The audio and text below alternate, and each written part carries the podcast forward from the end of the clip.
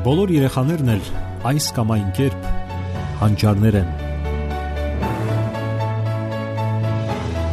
Խնդիրն այն է, որ այդ հանճարեղությունը այս կամ այն կերպ ի հայտ բերվի։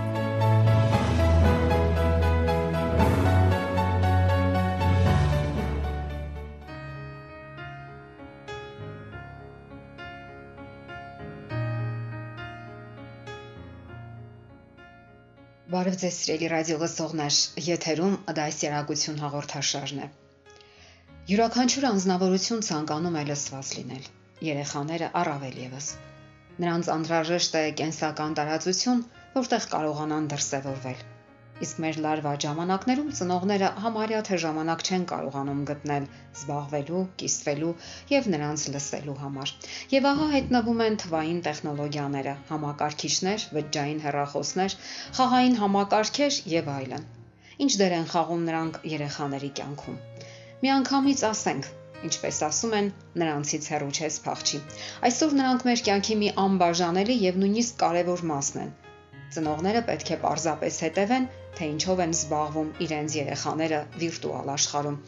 Սովորեք նրանց հետ միասին, օգնեք։ Սկզբում ձեզ վրա վերցրեք նախաձեռնությունը, ապա աստիճանաբար նրանց հանձնեք տարածքը, երբ զգաք, որ նրանք կարողանում են ճիշտ որոշումներ կայացնել ըստ իրենց ընտունակությունների, հմտությունների, գաղափարների եւ ճաշակի։ Սակայն այնպես է ստացվել, որ այսօր շատ տատիկներ, պապիկներ եւ նույնիսկ ծնողներ չեն կարողանում օգտվել թվային տեխնոլոգիաներից եւ վտանգներից մեկն էլ այն է, որ երեխաները եւ նույնիսկ մեծահասակները այնպես են խորասուզվում անիրական աշխարհը, որ կտրվում են իրականությունից։ Երեխաները սկսում են հաղթահարել ոչ թե իրական դժվարություններ, այլ ֆիգուրների եւ մարդուկների օգնությամբ։ Այստեղ ծնողները պետք է հմտորեն գործեն։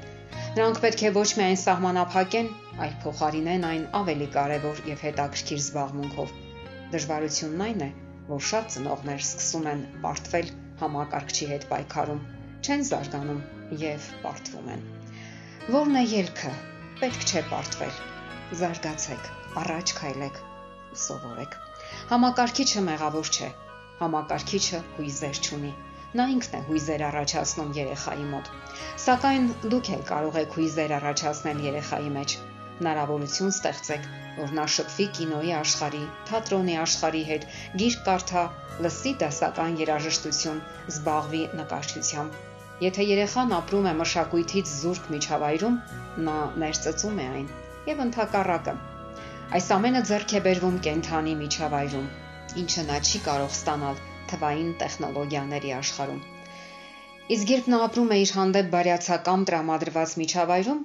բարյացակամ մարդկանց շրջապատում, կարող է եւ ցանկանում է սովորել այն, ինչ ասում են իրեն եւ բացատրում։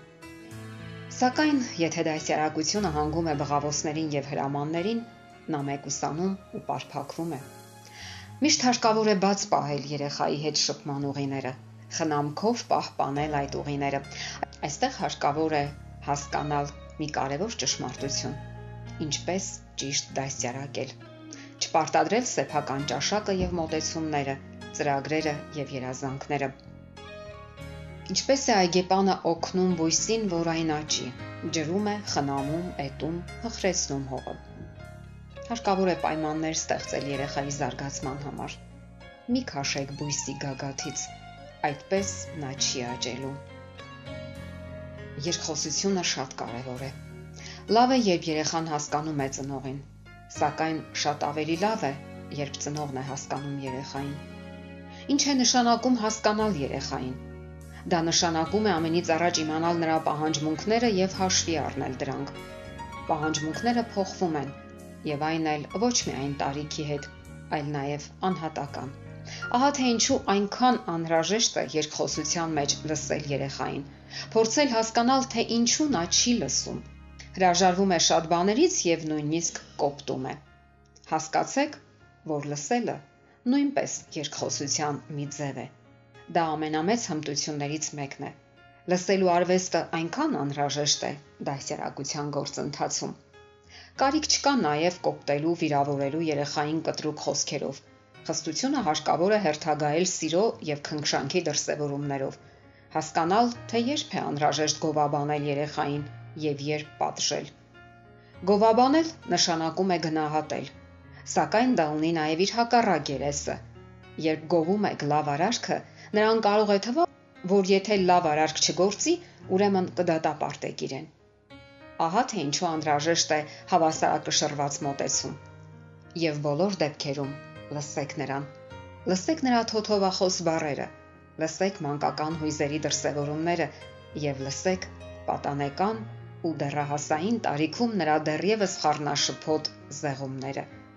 Եվ եթե դուք գրկեք նրան եւ ասեք, որ հասկանում եք իրեն, դա լավագույնն է, որ կարող եք տալ։ Հասկացրեք նրան, որ ընդունում եք իրեն առանց պայմանի, առանց լավ կամ վատ արարքների։ Գովաբանեք կամ հանդիմանեք ոչ թե երեխային, այլ նրա արարքը։ Ոչ թե դու վատն ես կամ դու լավն ես, այլ ինձ դուր է գալիս, թե ինչպես ես ասում կամ անում այդ։ Կամ դու գիտես, որ այս արարքը վատն է եւ կձգտես հաջորդ անգամ ավելի լավ վարվել, այդպես չէ։ Եվ այսպես ժամանակը արագ է անցնում։ Ձեր երեխաները մեծանում են։ Գնահատեք ընձեռնված ներկա հնարավորությունները եւ լսեք երեխային։ Դա հիանալի երկխոսություն է,